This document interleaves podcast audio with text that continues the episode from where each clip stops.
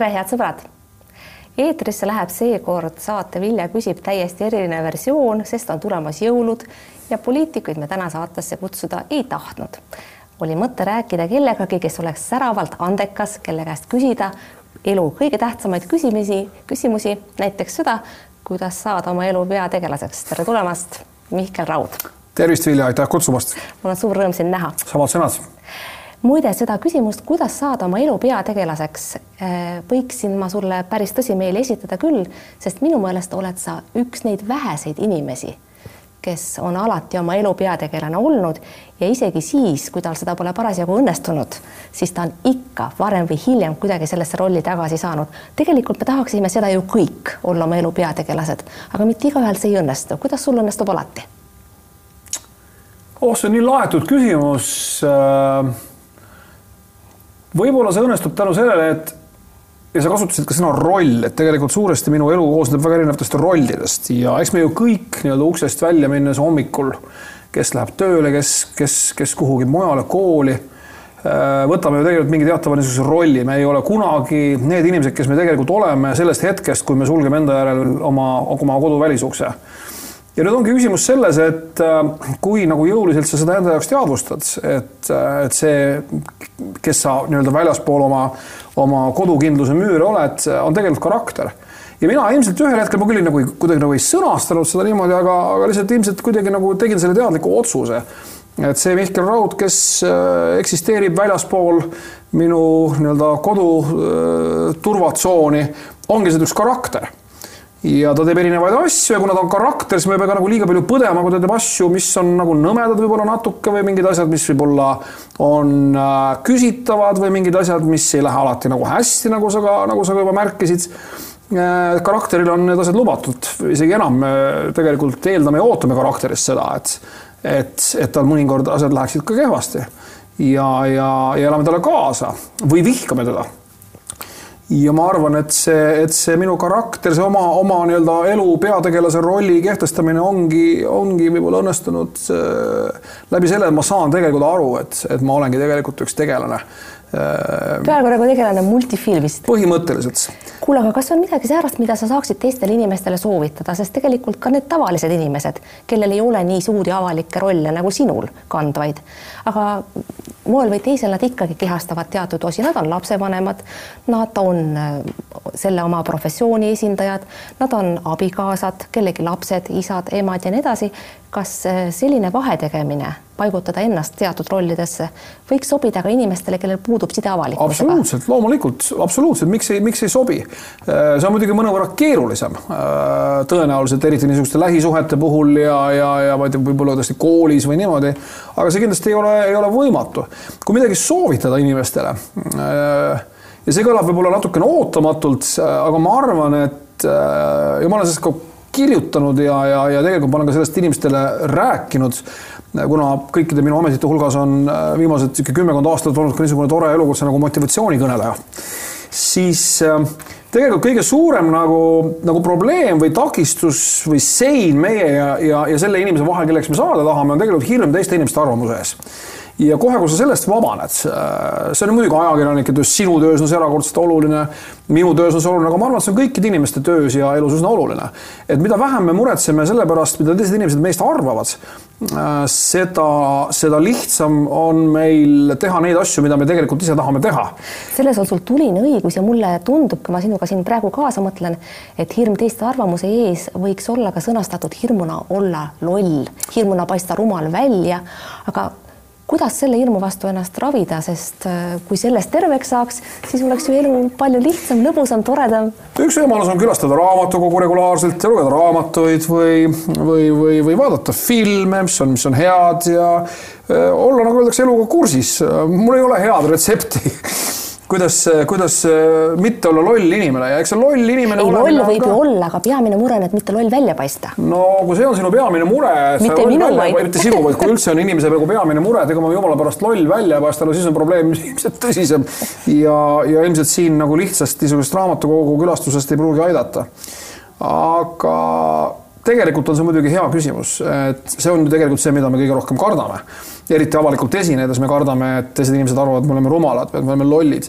ainukene, ainukene põhjus inimestel selliseid või ainukene nii-öelda noh, võimalus inimestele selliseid mõtteid anda midagi rumalat tehes või rääkides ja, ja väga lihtne on seda mitte teha, mitte rääkida rumalusi ja mitte teha rumalusi see kõlab küll hästi, aga kindlasti on mõnikord päris raskesti tehtav. sa muide peale selle motivatsioonikõneleja rolli oled ju asunud ka teatava sellise eneseabikuru staatusesse oma raamatutega ja olgem ausad, ega seal midagi väga uut ei ole, sa oled lihtsalt lugenud äh, päris palju tarku raamatuid ja siis oma kogemustega miksinud seda kõike, mida sa inimestele tahad öelda. see ei ole üldse mõeldud etteheitena, vaid pigem tõdemusena, et võib-olla need hästi õnnelikult, toredasti elamise ja hakkamasaamise ja silmapaistmise retseptid ongi päriselt lihtsad. on mul ehk õigus? absoluutselt, nad on universaalsed, mis, mis on võib-olla veel huvitavam, et nad on tegelikult äh, olnud äh, aastasadu võimalik, et aastatuhandeid ja, ja võib-olla isegi miljoneid aastaid äh, enam-vähem, enam-vähem samad ja, ja ühesugused ja me küll tahaksime mõelda, et noh, et tehnoloogia on arenenud ja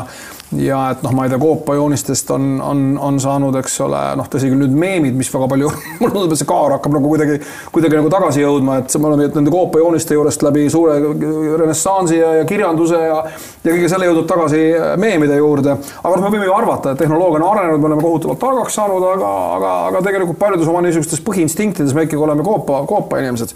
ja selles mõttes noh, neid instinkte kuidagi nendest aru saades ja neid kuidagi nagu mõtestades on, on võimalik tõesti ilmselt elada mõnevõrra, mõnevõrra õnnelikumat ja, ja, ja paremat elu. Mis puudutab sõna guru, siis sellega on nüüd see probleem, et et keegi ei saa hakata guruks. guru on võimalik teistel inimestel sinust teha ja ma ei, ma ei arva, et ma olen mingisugune guru, ma lihtsalt olen tõepoolest kirjutanud mõned üksikud äh, või paar-kolm tükki niisugust äh, eneseiroonilist eneseabi. ja, ja tõsi on see, et, et. vahele torgates ma sõna guru kasutasin ka natuke irooniliselt, kindlasti said sa sellest aru. muidugi sain, aga me igaks juhuks peame selgitama, et sõna, sõnal guru on tegelikult ka nagu päris ja nii-öelda iroonia vaba tähendus. ja et sellised mõned raamatud ma tõesti olen kirjutanud ja, ja nende raamatute nagu mõte on olnud suuresti ikkagi mingisuguste niisuguste põhitõdede, elementaarsete asjade, mille peale me alati ise ei mõtle, millest me ei pruugi ka teadlikud muide olla. eriti, mis puudutab näiteks inimsuhteid. minu jaoks tulid väga paljud asjad nende asjade kohta lugedes ikkagi teatava, et mitte öelda nii-öelda maailma muutva üllatusena. muide minu meelest üks asi või selline põhiline probleem, millega inimesed läbi elu tegelevad ja millele tegelikult ka sinu raamatud on äh, pühendatud, on see, et kuidas ikkagi saada selleks, kes juba ollakse, et kuidas leida üles oma sisemine mina, mille väljendamiseni siis jõuda ja, ja mida siis arendada viisil, et ka silma paista aga ma olen kogenud, et päris paljud inimesed, kui nendega sellest rääkida, ütlevad, et aga, aga äkki mul ei olegi sellist eh, sügavat annet või äkki mul ei olegi mingit erilist mina, mida üle, üles leida. mida neile öelda? Ohohoo, see on tõesti väga hea küsimus, no see on ilmselt nagu signaal kaunis madalast enesehinnangust või siis vastupidi mingisugusest teadavast niisugusest realiteeditajust, et inimene lihtsalt noh, saabki aru, et ma muidugi väga ei usu sellesse ja ma üldse ei, ei, ei ürita kuidagi kõlada nagu patroneerivalt, aga ma tõesti väga ei usu sellesse, et no võib-olla mõnel üksikul inimesel tõesti ei ole mitte midagi huvitavat äh, öelda või mõelda. Me lihtsalt oleme kõik nagu kuidagi targad ja andekad ja intelligentsed ilmselt väga erinevates asjades ja noh, jõle lihtne on, äh, eks ole, võib-olla noh, ma ei tea, ühel inimesel irvitada teise üle äh, lihtsalt seetõttu, et see teine inimene tegeleb mingite triviaalsemate või lihtsamate töödega aga see teine inimene äh, jällegi teab absoluutselt kõiki nendest triviaalsetest ja lihtsatest asjadest, mida see inimene, kes tema üle võib-olla itsitab, äh, ei pruugi teada. me oleme kõik tugevad väga erinevates asjades. see on tõsi ja lõppude lõpuks on ju ka sil-, avalikult silma paista ja päriselt õnnelik olla täitsa erinevad asjad absoluutselt, muidugi on, loomulikult, ma olen muidugi kaugel, ma väga, väga ei, ei, ei talu neid, äh, neid nii-öelda kuulsaid inimesi, kes hädaldavad, kui raske elu neil on ja kuidas meedia ei lase neil elada ja see on ju kõik nii õudne.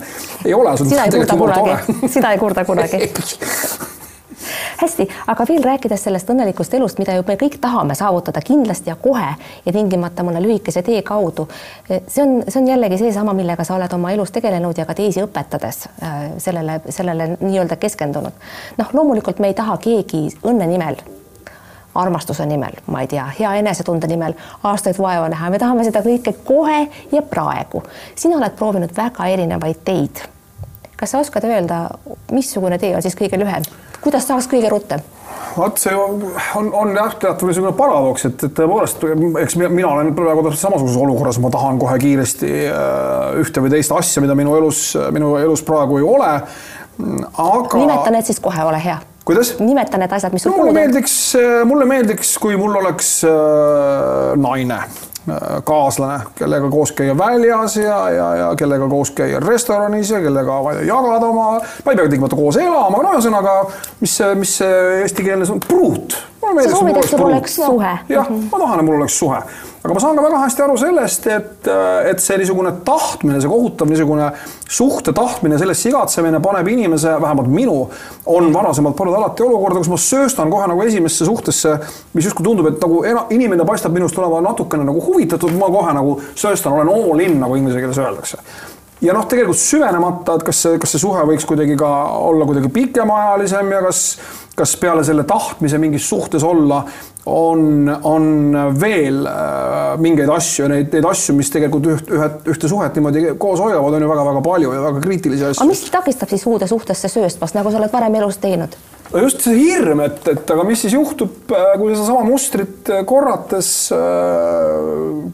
noh, juhtuvad jälle kõik needsamad asjad, mis, mis minu varasemate suhetega on juhtunud ja ma ei tea, miks ma nüüd nii äkki nii rahvameelseks läksin, aga. no sa ise läksid, ega ma isegi. ei, absoluutselt ja, aga, aga. aga kui me juba sinna sattusime, siis, siis me pöörame põhiteema juurde kindlasti jälle tagasi, aga no kõik teavad ja on lugenud uudistest sinu suhte lõppemisest sinu laste ema Liinaga. Ja, ja siin on ka spekuleeritud selle üle, et kas te siis hakkate lahutama või kui sa juba selle peale läksid, siis hakkate või vormistate ka lahutuse? Jah, ma usun küll, ainult et, äh, ainult et niisugused, äh, kuidas siis öelda äh,, minu jaoks on, see on hästi huvitav, et, et, et, et sina seda küsid ja, ja, ja seda üks. ma poleks hakanud, kui sa poleks ise hakanud nii avameelselt rääkima. ei, ei, ei, ja ei, mis, mis mind nagu hämmastab või mis mind nagu üllatab selle asja juures see, et selle asja nii-öelda tehniline pool tundub olevat justkui nagu vähemalt sama oluline, vaata isegi olulisem kui selle asja nagu sisuline kas pool. tead, ma küsin seda puhtalt põhjusel, et ma märkasin säärast küsimuse püstitust meediast. minule just, isiklikult, minule isiklikult see ausalt öeldes korda ei lähe. ma saan aru ja, ja, ja ka mina olen märganud seda küsimuse püstitust meedias ja mitte ainult enda puhul, vaid väga paljude teiste inimeste puhul. et see ühest küljest on ju tore, et inimesed nagu sellise nii-öelda institutsionaalse suhte vormi peale ka nii tihti mõtlevad ja see on kuidagi oluline ja noh, et okei, te läksite lahku, aga no millal te siis, millal see nagu selles pagana, mis see siis on, elanike registris kajastub? no aga kuna on selline ootus olemas ja me oleme seda märganud vasta siis võib-olla. ma ei oska kuupäeva, ma väga vabandan sinu ja sinu, sinu vaatajad, saate vaatajate ees, aga ma ei oska, ma ei oska seda kuupäeva, kuupäeva öelda, mis, mis kuupäeval see kõik juhtub, ausalt ei oska. sellel hetkel, kui vaatajad seda saadet näevad, oled sa juba Ameerikas ja eeldatavasti siis oma laste juures, saan ma õigesti aru? ja tõsi on see, et, et ma olen Ameerikas aastavahetusel ja, ja jõulude ajal. tõsi, ma osa sellest ajast veedan New Yorgis oma sõprade juures osa sellest ajast ma tõesti olen lastega reisil, meile meeldib neid teha, me oleme neid alati teinud, minu isa tegi meiega, siis minu Pireti ja, ja Reinuga oma lastega alati reise, tõsi, need reisid olid äh, Eesti-sisesed äh, ja, ja leidsid aset valdavalt siis, kui ta oli äh, nii-öelda veidi vindine, siis ta alati tellis takso pakkis lapsed peale, me sõitsime mööda Eestit, ta nimetas neid siilisõitudeks, sõltumata aastaajast, ta tahtis lastele siil näidata, see võis olla samasugune talv nagu praegu on. ja me lihtsalt sõitsime mööda Eestit ja see kõik oli väga lõbus ja ma kuidagi olen selle viinud nagu järgmisele tasemele, eks iga, iga poeg tahab oma isa kuidagi nagu ilmselt ületada ja tõsi, ma teatavasti ei, ei, ei tarvita alkoholi, ei ole juba üle kolmekümne aasta seda teinud. ja, ja meie nii-öelda siilisõidud on, on mööduvad kõik kainelt seda enam, et ma olen äh, valdavalt ka või noh, olengi roolis äh, sellel samal ajal. Äh, ja, ja, ja, ja need, need ei toimu kuigi nad võivad vabalt ka Eestis toimuda, lapsed käivad suviti Eestis ja käisid ka, käisid ka sel suvel ja meil oli väga tore. aga me tõesti jah, reisime reisime kaunis palju, me oleme kogu nii-öelda Ameerika kesklääne suhteliselt risti-põiki läbi sõitnud, sest et noh, Chicagost on hästi hea lihtne autoga pääseda nii Ohiosse kui, kui, kui äh, ma ei tea, Kentuckisse või, või, või Tennessee'sse, kuhu iganes. seekord me oleme Californias, me läheme lennukiga, lendame kõigepealt Las Vegasesse, oleme seal, vaatame, saame sõpradega kokku ja siis me teeme üks väikse California treti. oo, see kõlab väga hästi. see on tore ja ilm on, ilm on soe ja päikeseline ja, ja, ja noh, California on tore, lausa tüütu, me oleme seal elanud äh, alguses, kui kui me sinna kolisime, siis me elasimegi alguses San Diego's, mis on siis Los Angelesest paar tundi autoga veel lõuna, no praktiliselt no ta ongi sisuliselt Mehhiko piiri ääres. kuule, aga Liinaga ikka kohtute, saate ikka endiselt inimest niimoodi läbi? absoluutselt ja absoluutselt ja, ja, ja selle üle mul on ainult hea meel ja see on kuidagi teistmoodi oleks see ka, oleks see ka ilmselt eriti nagu väikeste laste olemasolu puhul kuidagi mõeldamatu kui me juba hakkasime sellest rääkima, siis ma küsin juba ära ka selle küsimuse, mida kolleegid minu käest kindlasti ootavad, et ma küsiksin. kunagi mäletatavasti sa ju rääkisid, et sinu sissetulek on viiekohaline, aga kui sa nüüd elad lastest eraldi ja lapsed elavad koos emaga, siis eeldatavasti sa ju pead lapsi, oma lapsi toetama. aga kuivõrd suure osa sinu sissetulekust võiks siis ära võtta laste toetamine? ahah, nojah, et kõigepealt. vaatame siis juba rahakotti ka, kui sa hakkasid rääkima oma isiklikust elust tähendab, alustame sellest, et ma ei ole kusagil rääkinud, kui ma, see, see ei käinud kuidagi niimoodi, ma olin ukse jalaga lahti ja ütlesin Ingrid Veidenbergile, nüüd Ingrid, tule siia, ma kohe räägin sulle, palju ma teenin. see käis umbes niimoodi, et Ingrid Veidenberg noh, vaatas mind oma niimoodi kavalate silmadega ja tegi seal mingeid kalkulatsioone, ütles, no mulle tundub, et sa umbes niimoodi umbes teenid.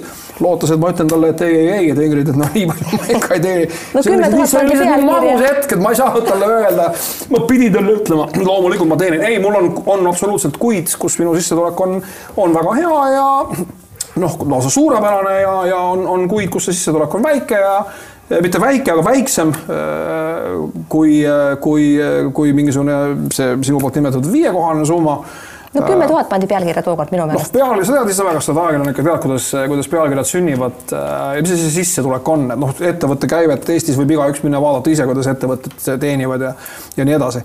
et äh, noh, ma, ma, ma, ma saan hakkama absoluutselt, ei, ei, ma ei kurda ja, ja tõesti mõned kuud on, on edukamad kui teised. kui palju ma nüüd, sa tahad teada, kui suurt summat ma kannan üle äh, ja, oma kui palju sa annad oma lastele, kui see, kui me juba selle peale läksime me ei läinud alustasid... selle peale, Vilja, sina läksid selle peale. sina hakkasid rääkima. ma ei hakanud rääkima sellest, et räägime nüüd õige sellest, kuidas see kõik detailselt ja tehniliselt välja näeb, kui mitu tuhat krooni või eurot. me pöörame kohe ära, me pöörame kohe tagasi, aga no nimeta see summa ära siis rahu peas tead, ma arvan, et see on umbes see koht, kus ma, ma üldiselt olen väga edev inimene, nagu sa tead, ja ma üldiselt äh, olen üsna avameelne inimene ja, ja, ja ma, ja ma nii palju, kui on äh, minu meelest nagu okei okay rääkida isiklikke asju, äh, ma neid ei näe põhjust mitte rääkida.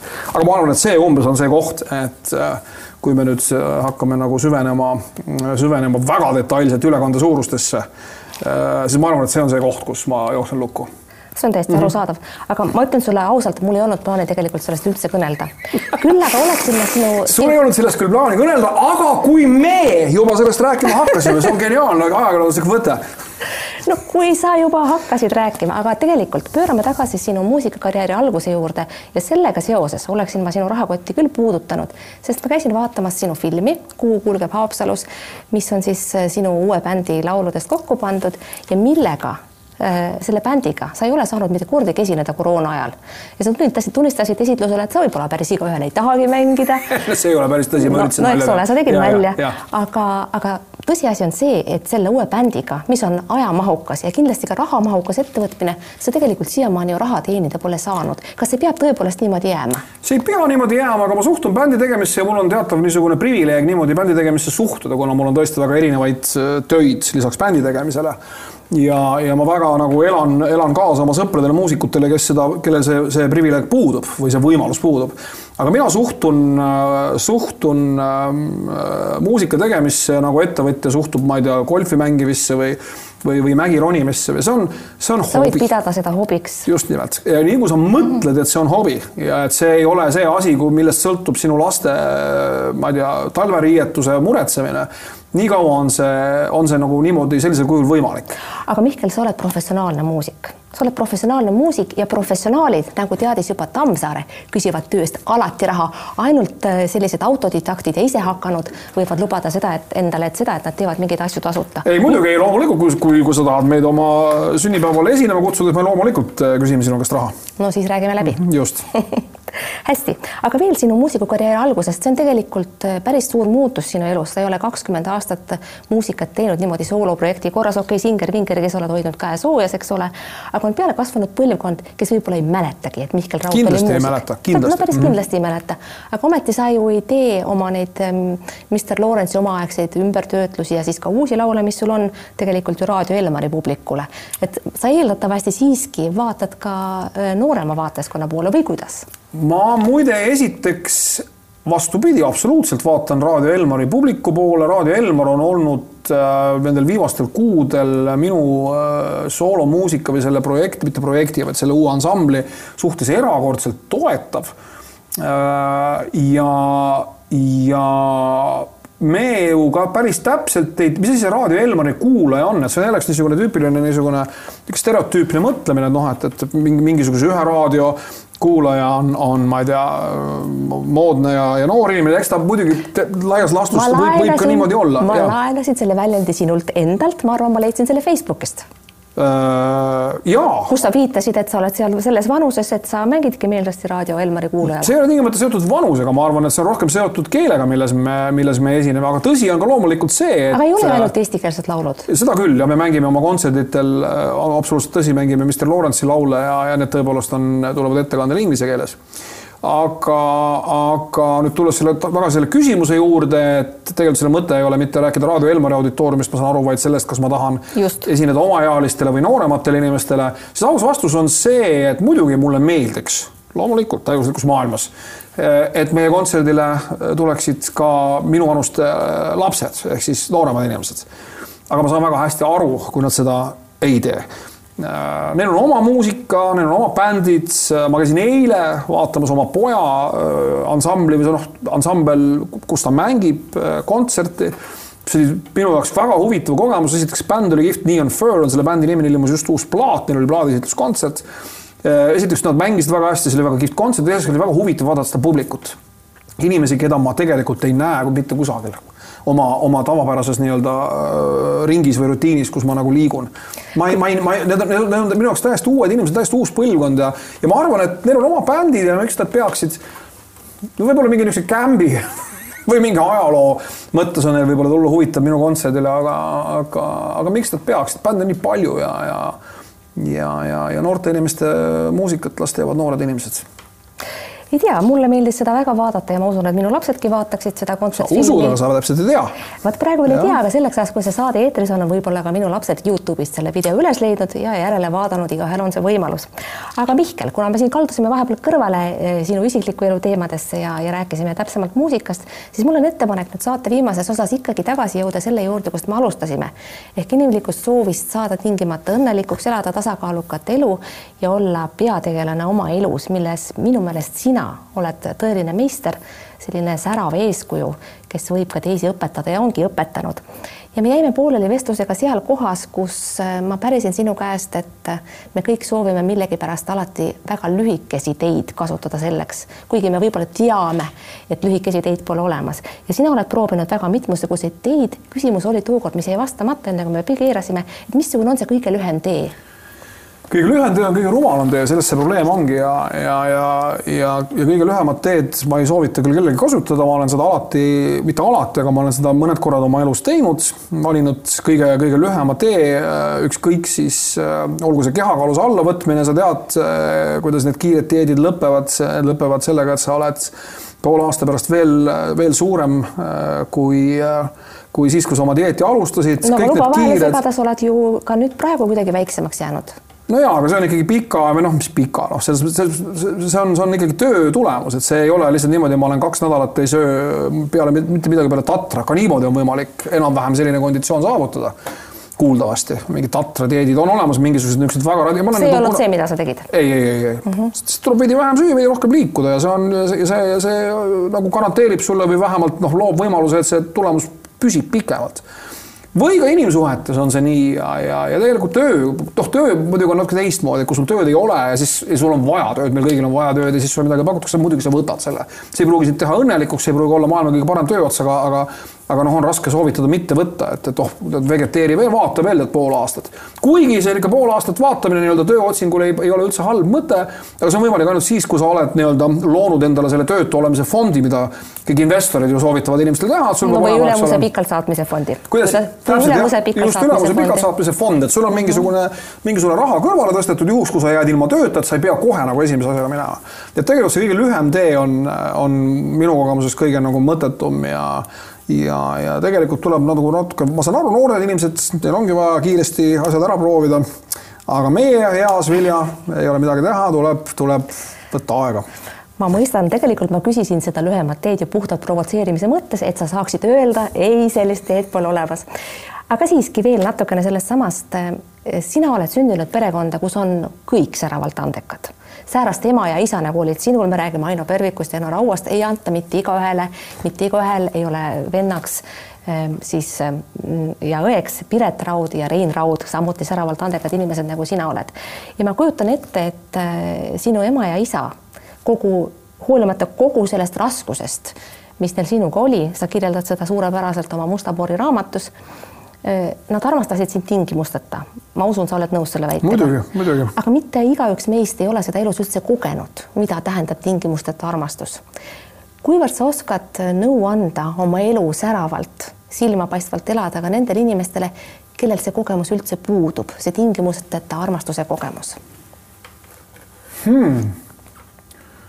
noh, ma võiksin ju kuidagi umbes spekuleerida kuidagi umbes niimoodi, et see tingimusteta armastuse puudumine tuleb tuleb äh, muuta selleks, mis selle elu säravaks muudab ja ega särav elu ei tähenda seda, me käime kogu aeg ringi nii-öelda laia naeratusega ja, ja oleme justkui kogu aeg mingis amfetamiini uimas. Äh, särav elu võib ja ilmselt tähendabki seda, et sa oled oma, oma töös ja, ja oma tegemistes silmapaistev ja, ja, ja loominguliselt või, või minu poolest ka monetaarselt edukas ja nagu ütles Marcus Aurelius, see on üks minu lemmiktsitaate, mida ma ikka endale igal, igal võimalusel korrutan. sellest, mis seisab sinu tee peal ees, saab sinu tee. ja kui sinu tee peal seisab ees tingimusteta armastuse puudumine, siis just nimelt see tingimusteta armastuse puudumine on vaja muuta selleks tõenäoliselt, mis sind selle särava eluni viib. ma saan aru, et see niisugune noh, natukene võib-olla niisugune laialivalguv ja, ja esmapilgul võib-olla arusaamatuna näiv vastus, aga midagi targemat mul selle peale kosta lihtsalt ei ole no ma küsin natuke konkreetsemalt siis võib-olla ka isikliku eeskuju mõttes, kuivõrd, kuna sa ise oled seda tingimusteta armastust kogenud oma vanematelt, kuivõrd sa oled ise osanud seda pakkuda oma lastele ja oma naistele? vot see ongi see, see probleem, lastel naised on muidugi selles mõttes väga erinevad asjad. võidki vastata kahes osas. jah, et alustame siis naistest, vot naistega ongi see häda, et, et see minu nii-öelda tingimusteta armastuse äh, Äh, pakkumine on alati lõppenud fiaskoga ja põhjus on väga lihtne. minul mehena on reeglina noh, mingisugune ettekujutus, mis teise inimese, naise õnnelikuks teeb. ja nüüd see tema, temale selle tingimusteta armastuse pakkumine on tegelikult see, et ma kuidagi nagu topin teda sellesse nagu oma peas välja mõeldud, konstrueeritud nagu õnnemudelisse sa oled õnnelik siis, kui sa ei pea midagi tegema, sa oled õnnelik siis, kui ma toon sulle Mustikakeskusest iga päev kilekotitäie äh, mingisugust jama, sa oled õnnelik siis, kui me läheme reisime ja kõik see ongi tore. ja see ongi kõik tore. aga varem või hiljem olen ma aru saanud, et, äh, et äh, see on üks niisugune viimaste aastate nii kummaline, kui see ei ole, hämmastavaid katarsisi et ma olen avastanud, et aga, aga naised tegelikult tahavad ka midagi teha ja, ja, ja et, et nad ei ole õnnelikud mitte midagi tehes. võib-olla tuleb see sellest, et ma ise arvan, et ma olen õnnelik, kui ma ei peaks mitte midagi tegema, ma lihtsalt vedelen ja panen, panen mingi plaadi peale hommikul, viskan jalad seina peale, ootan õhtut. inimesed pakuvad teistele alati seda, mida nad endale tahaksid. täpselt nii. kuule, aga Mihkel, sa oled ju tark ja nutikas inimene, kas sa selle peale pole kunagi tulnud, et naiste käest küsida, mida sina tahad? Päris lihtne ju.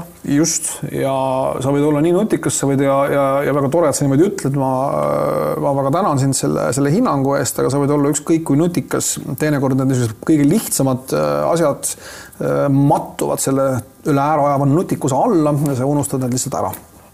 küsimusel oli ka teine pool, tingimusteta armastus ja lapsed ja no lastega on, on asi selles mõttes ju väga lihtne äh, ühest küljest, et loomulikult sa armastad oma lapsi tingimusteta ja, ja, ja noh, teinekord ma noh, see jälle võib-olla kõlab nagu pahasti, aga, aga, aga kui ma loen mingeid hirmsaid uudiseid uudiseid Ameerikas minu laste nii-öelda elukohamaal toimuvatest koolitulistamist, siis ma mõtlen selle peale, et mida need, need lapsevanemad võivad tunda. Ja, ja, ja, ja sellest on ju kirjutatud ka suurepärane raamat, mille järgi on tehtud suurepärane film ja ma, issand, ma võin nüüd äh, eksida pealkirjaga, aga minu arust me peame rääkima Kevinist, mis, mis, mis just nimelt sellega tegelebki, et seal noh, tahtmata kuidagi nagu väga sisu ära reeta, see põhimõtteliselt selle peategelane on naine, kelle, kelle poeg on, on koolitulistaja, kes on. kuidas me nüüd tingimusteta armastuste juurest säärase sest et see, sest see on täpselt, see on, see on, see on just nimelt see definitsiooni koht, et kas sa armastad oma last ka sellises olukorras, kui ta on midagi sellist teinud Ja see on nii keeruline liht... küsimus, et ma isegi sinu käest vastust ei hakka praegu no just, sellele ongi väga keeruline vastata enne, kui sa ei ole selles olukorras ise olnud ja just. ma ikkagi, ma ikkagi arvan, et sa, et sa armastad äh,. aga, aga jah, minu elus puh, puh, õnneks, õnneks asjad nii dramaatiliseks ei ole, ei ole, ei ole veel läinud ja loodetavasti kunagi ei lähegi äh,. ühest küljest on see hästi lihtne, muidugi ma armastan oma last, aga teisest küljest, kuidas sa seda nagu praktilises elus välja näitad või, või kuidas sa seda teed ja ja mina olen jälle selles mõttes niisugune klassikaline niisugune halb isa. et jällegi tegelikult selles mõttes sarnane võib-olla nagu naistega suhtumisel, suhtlemisel ka. et ma üritan hea ja tingimusteta armastav isa olla läbi selle, et ma pakun neile täpselt seda, mida ma arvan neid õnnelikuks teeb ja mis kõik toredam, see teebki neid õnnelikuks viin nad sööma rämpstoitu, kuigi ema sunnib neid sööma brokolit, äh, ostan neile mingeid LOL äh, neid lelusid ja, ja nii edasi. kas pole kummaline see põhimõte, mis töötab laste peal, ei tööta naiste peal? väga imelik jah, aga noh, eks see tegelikult, tegelikult ei tööta ju ka laste peal, oleme rahulikud no, ja tegelikult ka naised, no ei ole ju niimoodi, et kui sa, kui sa lähed äh,, hakkad date ima mõne naisega ja viita siis pakita kuskile lennukisse ja viita kuskile reisile ja see kõik on nii tore, aga siis kellele see ei meeldiks? lihtsalt see pikk perspektiiv on see, mis, mis kannatab ja lastega on täpselt sama lugu, et nad võivad muidugi praegu hüpata ühelt jalalt teisele, kui ma neid kuskile noh, McDonaldsisse me muidugi ei lähe nii, nii, nii, nii nagu põhja meie vabandust, kui ma nüüd teen liiga tuntud ettevõttele, aga noh, me, me nagu, nagu päris mürk ei, ei käi lastega söömas, aga aga, aga nad sellel hetkel võivad ju tunda, et nad on kohutavalt hoitud ja armastatud, aga aga pikas perspektiivis hiljem nad võivad mõelda, et okei okay,, ta oli küll tore tüüp ja aeg-ajalt tuli ja ostis meile neid asju ja tegi meile ägedaid reise ja nii edasi, aga noh, kus ta oli siis, kui meil oli, ma ei tea, umbes keeruline hetk. hästi, Mihkel, ma rohkem ei kaldu siit enam ei naiste ega laste juurde, vaid hakkan tasapisi meie jutuajamist kokku võtma ja võib-olla meenutan sulle lõpetuseks ühte ainust valdkonda, kus sa minu meelest ebaõnnestusid ja see on teatavasti poliitika. mis sul sinna üldse asja oli ronida? Äh, oi, see on väga pikk jutt ja ma saan aru, et sul hakkab aeg vaikselt nagu kokku tõmbama, aga öö, siin on nagu mitu asja, esiteks loomulikult noh, inimlik edevus. teiseks soov ikkagi näha seda Eestit ja neid inimesi, keda ma ei olnud selle, ma ei tea, neljakümne kuue, seitsme, kaheksa, mis, kui vana ma sellel ajal olin, aasta jooksul varem näinud Äh, ja, ja see, see väikene niisugune kõrvalhüpe või, või afäär poliitikaga andis selleks äh, noh, täiesti nagu erakordse enneolematu võimaluse. et sa oled nagu kogu oma elu käinud mingeid ühtesid radu, eks ole, kohtunud enam-vähem ühte tüüpi inimestega ja sul tegelikult puudub ja ma arvan, et sinuga on seesama asi. meie kõigiga on. me kohtume ainult nende inimestega, kellega me tahame kohtuda aga selleks, et rikastada iseennast ja, ja, ja, ja saada maailmast paremini aru, on meil vaja kohtuda ka nende inimestega, kellega me ei taha kohtuda. ja vot selleks annab ja loob poliitika täiesti, täiesti nagu unikaalse, unikaalse võimaluse. Äh, mind on noh, sõna otseses mõttes nagu visatud äh, nagu ukse tagant välja, kui ma olen lasknud kella ja mingisuguse oma flaieriga üritanud inimest veenda enda poolt häält andma. see oli, see oli, see on ainult üks niisugune väike episood, mida ma praegu nagu vihjamisi kirjeldasin, aga see oli täiesti uskumatu, erakordne kogemus, mis sest, et ta oli nii lühiajaline ja lõppes noh, klassikalises mõttes jah, täieliku fiaskoga. aga minu enda jaoks ma arvan, see oli noh, niisugune noh enda nii-öelda arengu suhtes, ma arvan, see oli üks olulisemaid paar aastat minu elus. ehk siis ei saa sugugi öelda, et see oleks olnud ebaõnnestumine. no ta oli, no ta oli selles mõttes ebaõnnestumine, et ma ei saanud selle tööga hakkama. aga aeg-ajalt ja tegelikult päris tihti seda tüüpi ebaõnnestumised pikas plaanis äh, teevad su paremaks ja, ja, ja targemaks inimeseks see on. Mihkel, ma olen sulle väga tänulik, et sa tulid minuga juttu ajama. ma tahaksin saate lõpetada kõigi heade soovidega sulle, kuna sa neid soove siin saates ise väga selgelt väljendasid, siis ma soovin sulle, et lähenevad jõulud või ja uus aasta tooksid sinu ellu selle naise, keda sa praegu otsid sina ei pea soovi ütlema mitte mulle, aga sa võid öelda siis lõpetuseks oma sõnad neile inimestele, kes võib-olla kuulavad sinu muusikat, armastavad sinu juhitud saateid ja loevad sinu kirjutatud raamatuid, ole hea ega ma ei oskagi midagi nagu kuidagi targemat või originaalsemat soovida kui ilusat äh, pühade aega, äh, vahvat, toredat äh, ja turvalist aastavahetust ja püsige terved, ma tean, see kõlab klišeeliselt, aga see terve püsimine on, on väga tähtis. Äh, seda enam, et, et see, et see hirmus pandeemia sai ka minu kätte ühel hetkel ja ma tean, kui ebameeldiv see oli, nii et äh, püsige terved ja, ja kohtume loodetavasti järgmisel aastal. Mihkel Raud suur,, suur-suur tänu saatesse tulemast, head sõbrad, aitäh vaatamast.